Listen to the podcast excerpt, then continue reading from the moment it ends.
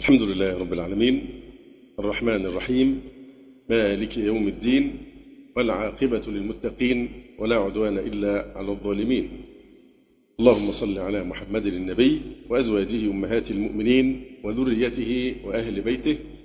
كما صليت على آل إبراهيم إنك حميد مجيد. أما بعد نعود إلى قضية التعددية. انتهينا إلى الكلام حول الاختلاف والتعدد المقبول وغير المقبول. يعني في اختلاف وفي تعدد مقبول وفي تعدد غير مقبول. الاختلاف اللي هو أو التعدد غير مقبول اطلاقا اطلاقا. اللي هو محرم أو مرفوض هو كل ما يخالف العقائد والأحكام القطعية الثبوت والقطعية الدلالة مما أجمع عليه علماء السلف ومن تبعهم. معظم الاختلاف المرفوض بيكون في المسائل العلمية الاعتقادية لأن معظم مسائل العقيدة متفق عليها إلا قليلا جدا من فروع المسائل الملحقة بالاعتقاد. مسائل طفيفة هل رأى النبي عليه السلام ربه ليلة المعراج مثلا مسائل طفيفة جدا لكن عامة مسائل العقيدة هي من هذا القسم الذي لا يقبل التعدد على الإطلاق والتعدد فيه أو الاختلاف فيه مرفوض ومحرم شرعا. الاختلاف أو التعدد المقبول في الإسلام اللي هو التعدد الجائز هذا غالبه يكون في المسائل العملية الفقهية غير المجمع عليها. فالتعدد المقبول يكون في قضايا كانت موضع اجتهاد اختلف فيها السلف ومن تبعهم وهذه يجوز فيها التعدد لأن الاختلاف فيها وقع من خيار الأمة. وتكون دلالات النصوص فيها ظنية. أيضا الاختلاف في الأمور الدنيوية. هذا أمور ما في بأس من التعدد لكن بشرط ألا يتسبب الخلاف في ظلم أو فرقة أو عدوان. شيخ الإسلام ابن تيمية رحمه الله تعالى شبه اتفاق المسلمين على أصول الدين مع اختلافهم في المذاهب الفقهية باتفاق الأنبياء على شرائع الدين على أصول الدين مع تنوع شرائعهم. يعني كما أن الأنبياء يتفقون في العقيدة في أصول الدين كلهم لكن الاختلاف يأتي إيه؟ في الشرائع. إن معشر الأنبياء إخوة لعلات ديننا واحد وأمهاتنا شتى. يعني الأب واحد لكن الأمهات مختلفة. يقول شيخ الإسلام ابن تيمية رحمه الله تعالى فالأصول الثابتة بالكتاب والسنة والإجماع هي بمنزلة الدين المشترك بين الأنبياء ليس لأحد خروج عنها ومن دخل فيها كان من أهل الإسلام المحض وهم أهل السنة والجماعة. وما تنوعوا فيه من الأعمال والأقوال المشروعة فهو بمنزلة ما تنوعت فيه الأنبياء. قال تعالى والذين جاهدوا فينا لنهدينهم سبلنا. يقول المصنف هنا ويجدر التنبيه إلى أن كثيرا من المنحرفين من أصحاب المذاهب الباطلة كالليبرالية وأصحاب البدع والأهواء يجتهدون في تمرير مذاهبهم وانحرافهم بحجة وقوع الاختلاف الفقهي بين المسلمين. هذه من الشبه التي يضلون بها الناس. يقول التنوع والتعدد. فيقولوا طيب مش داخل الإسلام نفسه مش في مذاهب فقهية؟ سواء المذاهب الأربعة أو حتى غيرها ما هو أكثر؟ فقالوا إن وجود المذاهب الفقهية الأربعة يدل على جواز التعدد بالصورة التي يدعون إليها. فطبعا في هذا الأمر خلطا خلط معيب بين الاختلاف الفقهي والاختلاف العقدي بين التعدد المرفوض والتعدد المقبول. فهم يجعلون مذاهبهم ليبرالية وعلمانية وإلى آخره بمنزلة المذاهب الفقهية. وذلك كذب وتلبيس لا ينطلي إلا على من جهل حقيقة الإسلام. يقول أحدهم كمال أبو المجد لا غرابة في أن يوجد في المجتمع المسلم حزب يميني وحزب يساري وحزب ليبرالي وحزب اشتراكي لأن هذه كلها تراكيب في صيغة الإصلاح السياسي والاجتماعي والتعدد فيها هو علامة على الاجتهاد فلماذا قبلت في فقه الزواج والطلاق والعارية أن يكون هناك حنفي ومالكي وشافعي وحنبلي ولا نقبل في الحياة السياسية أن يكون هناك توجه أداه اجتهاده إلى أن الليبرالية واقتصاديات السوق هي الطريق إلى النهضة بينما يرى آخرون غير هذا. طبعا هذا خلط وتلبيس وفي نوع من التدليس كما ذكرت إنه بيستدل بتعدد المذاهب الفقهية على جواز تعدد التعدد الثقافي آه، أو الفكري كما بالصورة التي يعني أشرنا إليها. آه، من ثم سنركز الآن في بيان الفرق بين الاختلاف الفقهي والاختلاف العقدي حتى نستطيع أن نضع أو نكيف هذه المذاهب كالليبرالية والعلمانية وغيرها هل هي تدخل في الاختلاف الفقهي كما يزعمون أم في الاختلاف العقدي آه، كما سيأتي إن شاء الله تعالى. آه، فأول هذه المسائل أن الاختلاف العقدي عبث بالدين وتضييع للصراط المستقيم. آه، لأن لو سمح بالتعدد في العقيدة والاختلاف العقدي هذا يؤدي إلى ضياع الحق. لأن التعدد بالصورة التي عرفناه من قبل بها معناها الحق والباطل يستوي الحقيقة نسبية مفيش حقيقة مطلقة. هذا هدم كامل لدين الإسلام. فتتناقض الاعتقادات وطبعا التناقض يؤدي إلى الفرقة والانقسام والتناحر آه، وتضيع الحقائق وتضطرب التصورات. نبقى بلا شيء نوقن به ونعتقده ويصبح الأمر عبثا وفوضى. وهذا ما حصل أو ما انتهى به الحال عند أهل البدع والافتراق. يقول الإمام الخطابي رحمه الله تعالى: فأما الافتراق في الآراء والأديان اللي هو الافتراق في الأصول فإنه محظور في العقول محرم في قضايا الأصول لأنه داعية الضلال وسبب التعطيل والإهمال ولو ترك الناس متفرقين لتفرقت الآراء والنحل ولا كثرت ولا كثرت الأديان والملل ولم تكن فائدة في بعثة الرسول لأن لو كان الناس مختلفين ومتضاربين في عقائدهم وأفكارهم وكلهم على حق حقيقة نسبية طب يبقى الرسول جاي عشان إيه؟ عليه الصلاة والسلام الرسول أتى ليجمع الناس لا ليفرقهم الاختلاف في المسائل الفقهية والتعدد في الاختلافات الفقهية لا يؤدي على الإطلاق إلى شيء من هذا لأنه اختلاف في أمور فرعية لا يؤثر التعدد فيه إلى اضطراب الأصول والمبادئ والقيم الكبرى ولا يؤدي إلى تضييع الصراط المستقيم الهادي إلى الحق إنما هو اختلاف في الجزئيات مع الاتفاق على الكليات. ولذلك حينما قال الله تبارك وتعالى ولا يزالون مختلفين إلا من رحم ربك ولذلك خلقهم. ولا يزالون مختلفين إلا من رحم ربك الذين ولذلك خلقهم خلقهم ليرحمهم. طيب الذين رحم ربك أهل الإسلام وأهل السنة والجماعة هل هم لا يختلفون؟ هم يختلفون اختلافا لا يضرهم وهو الخلاف الفرعي. ولذلك المذاهب الأربعة مثلا مختلفة في القضايا الفقهية والعملية في آلاف القضايا لكنهم في العقيدة تظلهم مظلة واحدة وهي أهل السنة والجماعة. واضح؟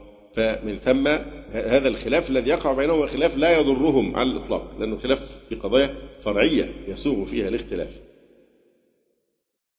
الأمر الثاني أن الاختلاف في العقيدة لم يقع من الصحابة الكرام رضي الله عنهم بخلاف الخلاف الفقهي فالصحابة هم قدوة المسلمين بعد رسول الله صلى الله عليه وآله وسلم زكاهم الله ورسوله صلى الله عليه وسلم وأخبر برضاه عنهم وأمرنا الله تعالى والنبي صلى الله عليه وسلم باتباع سبيلهم والأخذ بسنتهم.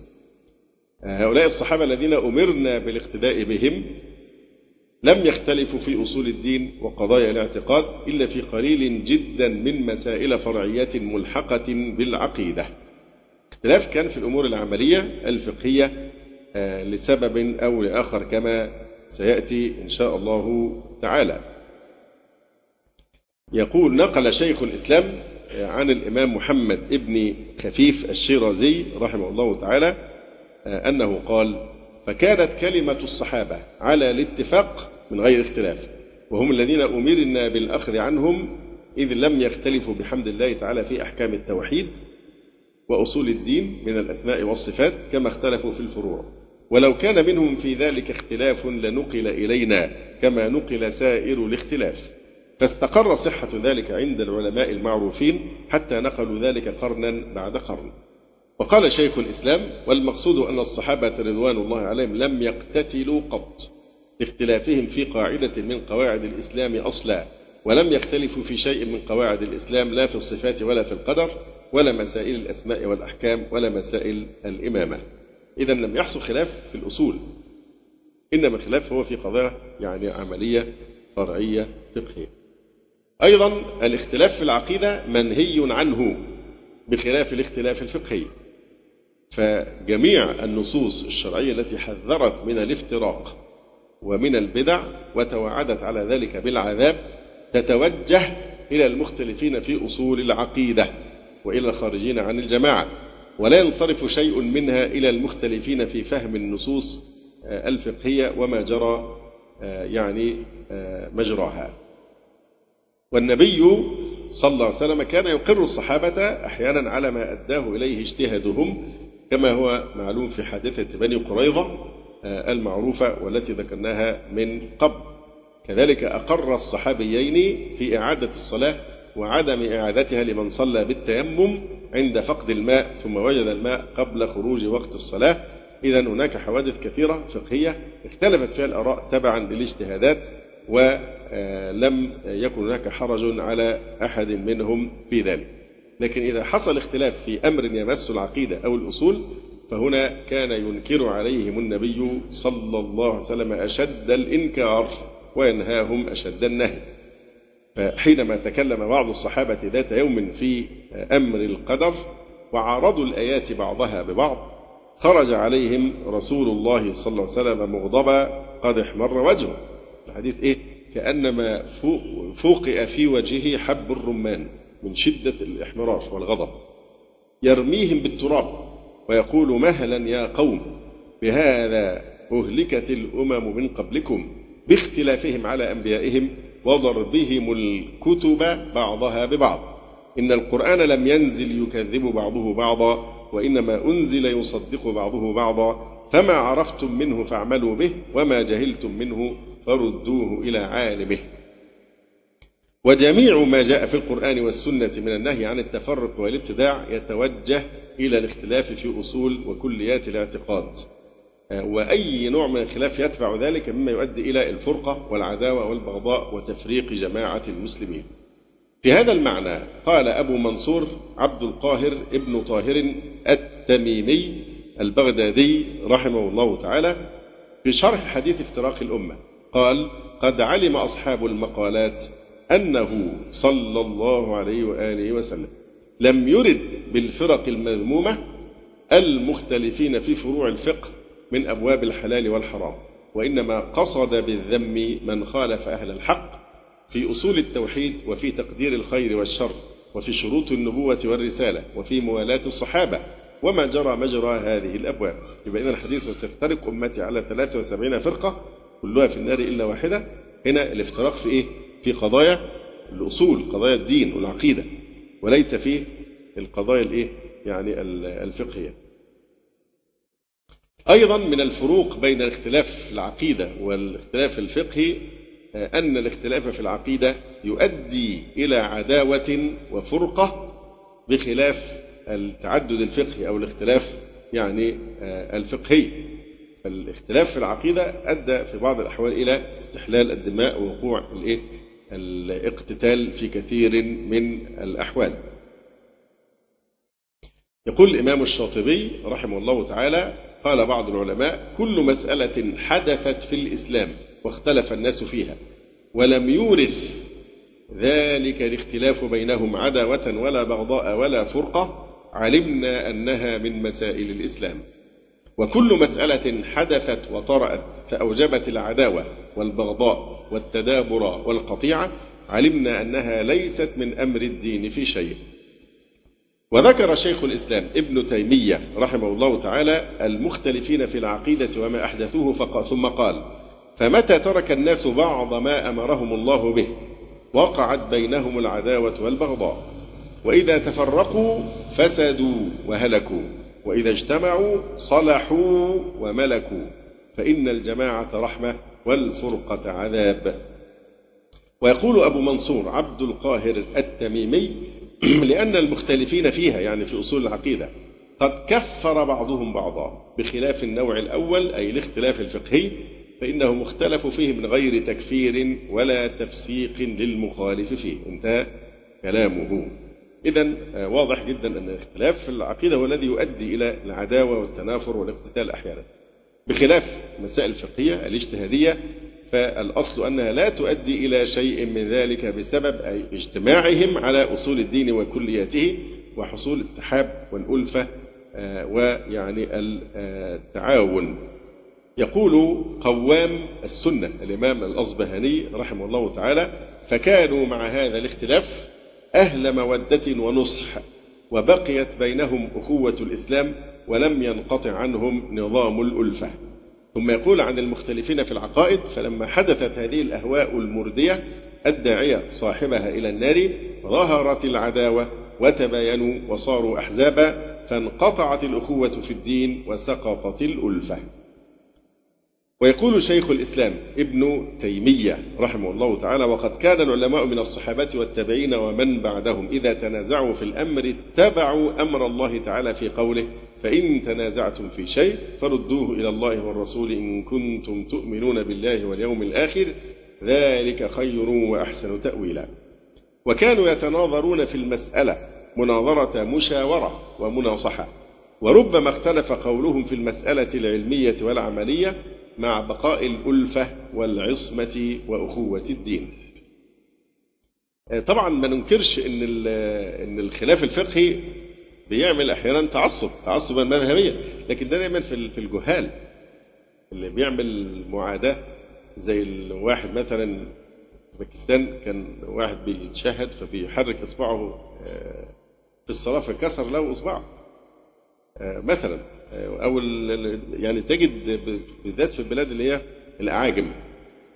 تعصب مذهبي بأقبح صوره يكون في الأعاجم لبعدهم عن الشريعة واللغة العربية والعلم الشرعي وغالبا مقلدين غارقين في التقليد فيقعون بسهولة في يعني ضحايا للتعصب المذهبي الأعمى. والنماذج كثيرة لا نفيد بذكرها لكن آه، لا يحصل التعصب والعداوة في القضايا الفقهية إلا من الجهلة من جهال الناس ويعني آه، من تلبس بالجهل والظلم والهوى. لأن الاختلاف نفسه لا يؤدي إلى هذا. الكتاب الفقهي ما يؤديش إلى التناحر بهذه الطريق والعداوة. لكن الجهل والهوى هو الذي يؤدي إلى ذلك. فاللوم يعود إلى ما صدر منه من معصية ومخالفة وليس اللوم يعود إلى الاجتهاد الذي له ما يسوغه من الأسباب. من الفروق بين التعدد أو الاختلاف في قضايا العقيدة والتعدد والاختلاف في القضايا الفقهية أن قضايا العقيدة قضايا مضبوطة محددة. أما القضايا الفقهية فهي متوسعة تتمدد بتجدد الأحداث والنوازل. فالعقيدة مسائلها محصورة مضبوطة وهي غيبية لا تدرك بالعقل. آه، يعني العقل لا يتوصل إلى معرفة تفاصيلها استقلالا. وبالتالي لا يدخلها الاجتهاد والقياس والواجب فيها التسليم والإيمان بالغيب. أما مسائل الأحكام العملية الفقهية فهي وإن كانت أصولها مضبوطة ومما يجب الإيمان والتسليم به إلا أن فروعها تتوسع بتجدد الحوادث والنوازل التي لم ينص على أحكامها فيدخلها الاجتهاد والقياس. ومن ثم لابد أن يقع فيها الاختلاف بين العلماء لاختلاف الأفهام والنظر. أما العقيدة فلا يقع فيها مثل هذا لأن تجدد الأحداث واختلاف الأزمان والأعراف لا يؤثر فيها لأنها قضايا غيبية إيمانية ومحدودة وضحت وبينت أصولها. يقول العلامة الكبير ذهبي العصر عبد الرحمن المعلمي آه، رحمه الله تعالى وهو من النوادر في هذا العصر الذين لقبوا بلقب شيخ الإسلام. آه، يقول العلامة عبد الرحمن المعلمي رحمه الله تعالى وإكمال الدين وكمال إيمان الصحابة صريح في أن جميع العقائد المطلوب معرفتها في الإسلام كانت مبينة موضحة حاصلة لهم لأن الدين من جهة قد كمل والصحابة أيضا إيمانهم كان قد كمل. فإكمال الدين وكمال إيمان الصحابة هذا صريح في أن جميع العقائد المطلوب معرفتها في الإسلام كانت مبينة موضحة حاصلة لهم. وليس هذا كالأحكام العملية فإنه لا يطلب معرفة ما لم يقع سببه منها. فقد يكتفى في عهد النبي صلى الله عليه وسلم ببيان الأصل الذي إذا رجع إليه عند وقوع سبب الحكم عرف منه الحكم. يقول ثم رأيت في شرح المواقف بعد ذكر الأحكام العملية ما لفظه وإنها لا تكاد تنحصر في عدد. يعني قضايا الفروع الفقهية لا تكاد تنحصر في عدد بل تتزايد بتعاقب الحوادث الفعلية فلا يتأتى أن يحاط بها. بخلاف العقائد فإنها مضبوطة لا تزايد فيها أنفسها فلا يتعذر الإحاطة بها. وأيضا فتأخير البيان إلى إلى وقت الحاجة جائز عند الجمهور. فأما تأخيره عن وقت الحاجة فممتنع باتفاق الشرائع. ووقت الحاجة إلى العقائد المطلوب اعتقادها في الشرع لا يمكن تأخيره عن حياة النبي صلى الله عليه وسلم. يبقى إذن العقائد كلها لابد أن يكون الرسول قد بينها مفصلة صلى الله عليه وسلم. ووقت الحاجة في النصوص المتعلقة بالعقائد هو وقت الخطاب لأن المكلف يسمع فيعتقد والقضية العملية التي تستدعي الحكم لا محيص للقاضي عن النظر فيها والقضاء عندما تحدث. فأحد الفروق المهمة بين نوعي التعدد العقدي والفقهي هو أن قضايا العقيدة محددة مضبوطة آه، مستقرة محصورة. أما المسائل الفقهية فهي متجددة ومتوسعة ومتمددة بتجدد الحوادث والنوازل. آه، للعلماء أقوال في التفريق بين نوعي الاختلاف الاختلاف في أصول العقيدة والاختلاف في المسائل الفقهية. آه، يعني يقول الإمام الشافعي رحمه الله تعالى فإني أجد أهل العلم قديما وحديثا مختلفين في بعض أمورهم. فهل يسعهم ذلك؟ قال الشافعي فقلت له الاختلاف من وجهين. أحدهما محرم ولا أقول ذلك في الآخر. قال فما الاختلاف المحرم؟ قلت كل ما أقام الله به الحجة في كتابه أو على لسان نبيه صلى الله عليه وسلم منصوصا بينا لم يحل الاختلاف فيه لمن علمه وما كان من ذلك يحتمل التأويل ويدرك قياسا فذهب المتأول أو القايس إلى معنى يحتمله الخبر أو القياس وإن خالفه في غيره لم أقل إنه يضيق عليه ضيق الخلاف في المنصوص. وقال الشوكاني في تفسير قوله تعالى أن أقيموا الدين ولا تتفرقوا فيه أي لا تختلفوا في التوحيد والإيمان بالله ورسوله وقبول شرائعه. فإن هذه الأمور قد تطابقت عليها الشرائع وتوافقت عليها آه، الأديان. فلا ينبغي الخلاف في مثلها وليس من فروع من هذا فروع المسائل التي تختلف فيها الأدلة وتتعارض فيها الأمارات وتتباين فيها الأفهام فإنه من مطارح الاجتهاد ومواطن الاختلاف. ننتقل إلى الكلام على ضوابط الاختلاف والتعدد المقبول. طبعا هو يرتبط بقضية التعددية قضية التعددية السياسية. هل التعددية السياسية أو الحزبية داخل المجتمع المسلم شيء مقبول أم لا؟ هذه قضية لأنها أخف درجة من قضية التعددية الثقافية أو الاعتقادية. آه، نلجئها إلى وقت آخر إن شاء الله تعالى. لكننا نركز الآن في قضية إيه؟ التعددية العقائدية بالمعنى الذي ذكرناه من قبل. آه، ينتقل بعد ذلك إلى ذكر ضوابط الاختلاف والتعدد المقبول. يقول الاختلاف الفقهي الجائز وقوعه بين العلماء له ضوابط وقيود تنظمه وتجعل منه خلافا علميا رشيدا قائما على علم وعدل يكون مصدر ثراء فقهي وقوة علمية وسعة تشريعية. بدون هذه الضوابط يصبح الاختلاف فوضى وعبث يضيع فيه الحق وتظهر فيه العصبية المقيتة ويتفلت معه من أحكام يعني الشريعة. يذكرون أولا كيف أن الخلاف بين العلماء أمر طبيعي اقتضته دلالة الأدلة الشرعية خاصة أن آه، معظم الأدلة ظني الدلالة ظني آه، الدلالة.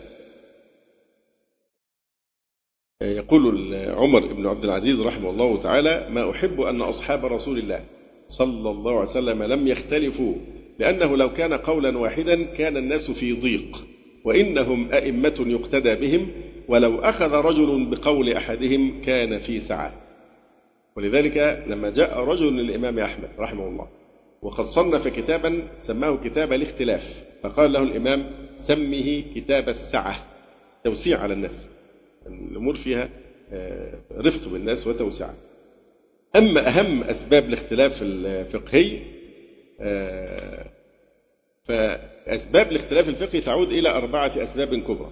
أولا الاختلاف اختلاف النظر في الدليل من جهة ثبوته. يعني الدليل مثلا حديث. فممكن الكلام العالم يختلف لأن هذا العالم يصحح حديثا معينا والآخر لا يضاعفه فلا يأخذ به. فبالتالي يترتب على ذلك اختلاف في الإيه؟ لكن هنا إذا أول أسباب هذا الاختلاف الاختلاف النظر في الدليل من جهة ثبوته. فأحد العلماء لم يثبت عنده الحديث وعالم آخر ثبت عنده وآخر لم يبلغه الحديث أصلا. هذا وارد. السبب الثاني اختلاف النظر في الدليل من جهة دلالته. وطبعا ده في النصوص الظنية الدلالة. فيختلف العلماء في استنباط الأحكام منها لاختلاف فهمهم لدلالتها. ثالثا اختلاف النظر في الدليل من جهة إحكامه. هل هو محكم ولا منسوخ؟ فبعض العلماء يذهب إلى هذا النص محكم والآخر يذهب إلى أنه منسوخ فيترتب عليه اختلاف في الحكم. رابعا اختلاف النظر في الدليل من جهة سلامته من المعارض. فيختلف العلماء في سلامة الدليل من دليل آخر يعارضه بتخصيص عمومه أو تقييد مطلقه أو تبيين مجمله أو دليل قام لدى أحدهم لا يسلم به العمل بالدليل الأول. إذا ده باختصار تقريبا عامة الأسباب التي آه، تؤدي إلى وقوع الاختلاف. آه، شيخ الإسلام ابن تيمية له رسالة رائعة جدا في هذا الموضوع. مين يعرف اسمها؟ رفع الملام عن الأئمة الأعلام. يناقش فيها قضية أسباب الاختلاف الفقهي في غاية الروعة من الأشياء الأساسية جدا الحقيقة. فذكر شيخ الإسلام ابن تيمية رحمه الله تعالى عشرة أسباب يعذر بها الأئمة الأعلام في مخالفة بعض السنن أو تركها. وهي أولا من لم يبلغه الحديث أو من لم يثبت عنده الحديث أو اعتقاد ضعف الحديث باجتهاد قد خالفه فيه غيره. الرابع اشتراطه في خبر الواحد العدل الحافظ شروطا يخالفه فيها غيره. خامسا أن يكون الحديث قد بلغه وثبت عنده لكن نسيه. أو السادس السادس عدم معرفته بدلالة الحديث أو اعتقاده آه، ألا دلالة في الحديث أو اعتقاده أن تلك الدلالة قد عارضها ما دل على أنها ليست مرادة. السبب التاسع اعتقاد أن الحديث معارض بما يدل على ضعفه أو نسخه أو تأويله إن كان قابلا للتأويل بما يصلح أن يكون معارضا بالاتفاق مثل آية أو حديث آخر أو إجماع. السبب العاشر معارضة الحديث بما يدل على ضعفه أو نسخه أو تأويله مما لا يعتقده غيره أو جنسه معارضة أو لا يكون في الحقيقة معارضا راجحا. من ضوابط الاختلاف وجوب اتباع الراجح من الأقوال وترك ما عداه آه، بعض الناس يتعبدون بالخلاف. ما دام مسألة قال بها عالم إذا يأخذ بها وإيه؟ وهو مستريح يعني الضمير. آه، والله سبحانه وتعالى قال يا أيها الذين آمنوا أطيعوا الله وأطيعوا الرسول وأولي الأمر منكم. فإن تنازعتم في شيء فردوه إلى الله والرسول إن كنتم تؤمنون بالله واليوم الآخر ذلك خير وأحسن تأويلا. وقال تعالى وما اختلفتم فيه من شيء فحكمه إلى الله. أيضا القول بأن ما دام عالم قال خذ بالتشهي بقى. خذ أي قول ما دام قاله عالم. طيب ما هو العالم يزل والعالم يخطئ.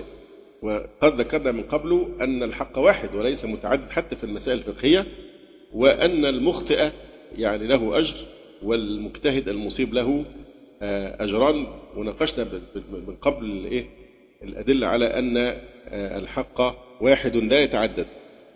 أيضا هذا القول يفضي إلى تتبع الرخص واختيار الأقوال بالتشهي بموافقة الهوى من غير نظر إلى الدليل. وقد ذكر ابن حزم الإجماع على أن هذا اللي هو تتبع الرخص فسق لا يحل. قال سليمان التيمي إذا أخ... إن أخذت برخصة كل عالم اجتمع فيك الشر كله. وقال الأوزاعي من أخذ بنوادر العلماء خرج عن الإسلام. أما كل عالم تلاقي الزلات بتاعته وتقول أنا أتبع العلماء وأخذ بأقوالهم بدون نظر إلى الترجيح بالدليل فيعني هذا شر كبير. أيضا الموضوع مبدأ التيسير ومبدأ الترخص ورفع الحرج هي مبادئ لا شك يعني دلت عليها الشريعة وهي من محاسن هذه الشريعة لكن أيضا لها يعني ضوابط وليست على إطلاقها مثل مثلا الاقتصار على موضع الحاجة أو قيام دليل على جواز الترخص في مسألة يعني معينة أو تحقق العذر الداعي للأخذ بالرخصة. يعني يترخص مثلا بالتيمم لكن إيه؟ عند فقد الماء وهكذا. فعملية الاحتجاج بالخلاف في حد ذاته لا. ده للأسف شديد موجود عند بعض الجماعات الدعوية إن أدم قال عالم خذها وأنت يعني مغمض العينين. ضعها في رقبة عالم واخرج سالم يعني كما يقول العوام. لا يقول الإمام ابن عبد البر الاختلاف ليس بحجة عند أحد علمته من فقهاء الأمة إلا من لا بصر له ولا معرفة عنده ولا حجة في قوله. وقال أيضا والواجب عند اختلاف العلماء طلب الدليل من الكتاب والسنة والإجماع والقياس على الأشبه بما ذكرنا بالكتاب والسنة فإذا لم يبين ذلك وجب التوقف ولم يجز ولم يجز القطع إلا بيقين. أما موقف المسلم من الاختلاف الفقهي فالاختلاف طبعا معروف أنه نوعان اختلاف تنوع واختلاف تضاد. أما اختلاف التنوع فلا يبطل فيه أحد الأقوال الأقوال الأخرى. كلها تتعاضد وليس تتعارض فيختلفون في الألفاظ وهم يتفقون على المعنى. كالاختلاف مثلا في صفة الأذان نتيجة اختلاف الروايات أو اختلاف في أدعية الاستفتاح مثلا في الصلاة. تنوع قراءات القرآن الكريم فإذا في كل نوع المختلف مصيب ومحسن وموافق للصواب كما هو معلوم. لكن الخطورة في اختلاف التضاد أن قولان متنافيان متضادان لا شك في هذه الحالة يكون وأحدهما مصيبا والآخر مخطئا. مثلا أحدهما يرى الجواز والآخر الحرمة. فاختلاف التنوع جاء به الشرع والعمل بأي نوع منه عمل بالشرع ولا تثريب فيه على أحد بشرط ألا يذم من عمل بالنوع الآخر. فهذا بغي وظلم. أما اختلاف التضاد فينظر فيه إلى حال المسلم يفرق فيه بين العمي وطالب العلم والمجتهد. أما العمي الذي لا يحسن النظر في الدليل فالواجب في حقه أن يسأل أهل العلم بدين الله تعالى فاسألوا أهل الذكر إن كنتم لا تعلمون. فلا بد أن يسأل عالما من علماء الكتاب والسنة وأن يكون مريدا للحق وليس قاصدا ليتتبع الرخص والبحث عن الهوى. بس يسأل العالم الذي يثق بعلمه وورعه. فإذا الكلام لم يأتي على هواه فينتقل لواحد تاني يمكن إيه؟ يوافق هواه. أما طالب العلم الذي هو في درجة من العلم والوعي والفهم فوق العامي لكنه أقل من المجتهد يمكنه أن يفهم الدليل وأن يظهر أن ينظر في وجه الدلالة ونحو ذلك. فهذا يجوز له الأخذ بقول أحد دون أن يعرف دليله فعليه أن يبذل ما يستطيعه في النظر في الاختلاف حتى يترجح لديه شيء. أما إذا لم يمكنه الترجيح فينزل نفسه منزلة العامي ويسأل أهل العلم ويسأل من يثق أكثر بعلمه ودينه. أما المجتهد فطبعا هذا يجب عليه النظر في المسألة وترجيح ما قامت الحجج العلمية عليه ولا يجوز له أن يقلد غيره ويدع الاجتهاد ما دام قادرا عليه. من المسائل المهمة هنا في هذا الصدد أيضا كلمة شائعة جدا يقول لك لا إنكار في مسائل الاختلاف. كما قلنا الاختلاف على نوعين اختلاف معتبر هو الخلاف السائغ والاختلاف غير المعتبر أو غير السائغ. والاختلاف المعتبر هو ما لم يكن فيه دليل يجب العمل به وجوبا ظاهرا فيسوغ فيه الاختلاف لتعارض الأدلة أو لخفاء الأدلة فيه ولاختلاف وجوه النظر. أما الاختلاف غير المعتبر فهو ما كان فيه دليل ظاهر أو إجماع يجب اتباعه فهذا لا يسوغ فيه الاختلاف وإن وقع كان اختلافا غير معتبر ويسمى خلافا مطرحا. آه، وقد يكون المخالف فيه من العلماء معذورا لخفاء الأمر عليه. إذا عبارة لا إنكار في مسائل الخلاف يقصد بها لا إنكار في الاختلاف المعتبر. السائغ فلا ينكر أحد على أحد. أما المسائل التي ثبت فيها النص الذي لا معارض له فهذه من خالف النص ينقض قوله وينكر عليه اتفاقا. أما اللي يستعمل عبارة لا إنكار في مسائل الخلاف حتى في في الخلاف المطرح المرفوض فهذا قول باطل رده العلماء. يقول شيخ الإسلام ابن تيمية رحمه الله تعالى قولهم ومسائل الخلاف لا إنكار فيها ليس بصحيح فإن الإنكار إما أن يتوجه إلى القول بالحكم أو العمل أما الأول فإن كان القول يخالف سنة أو إجماعا قديما وجب إنكاره وفاقا. وإن لم يكن كذلك فإنه ينكر بمعنى بيان ضعفه عند من يقول المصيب واحد وهم عامة السلف والفقهاء. يعني ده حاصل كلام شيخ الإسلام ابن تيمية رحمه الله تعالى. فهذا ما تيسر من الكلام على الفروق بين مسائل العقيدة أو التعدد أو الاختلاف في مسائل العقيدة ومسائل الفقه وأيضا أنواع الاختلاف ومسلك المسلم عند حصول الاختلاف أو التعدد. أقول قولي هذا واستغفر الله لي ولكم. سبحانك اللهم ربنا وبحمدك أشهد أن لا إله إلا أنت أستغفرك وأتوب إليك. وفي الختام تقبلوا تحيات إخوانكم في تسجيلات السلف الصالح بالإسكندرية. هاتف رقم صفر ثلاثة فاصل أربعة تسعة أربعة سبعة ستة خمسة اثنان. والتليفون محمول صفر عشرة واحد ستة أربعة واحد تسعة ثمانية صفر. والسلام عليكم ورحمة الله وبركاته.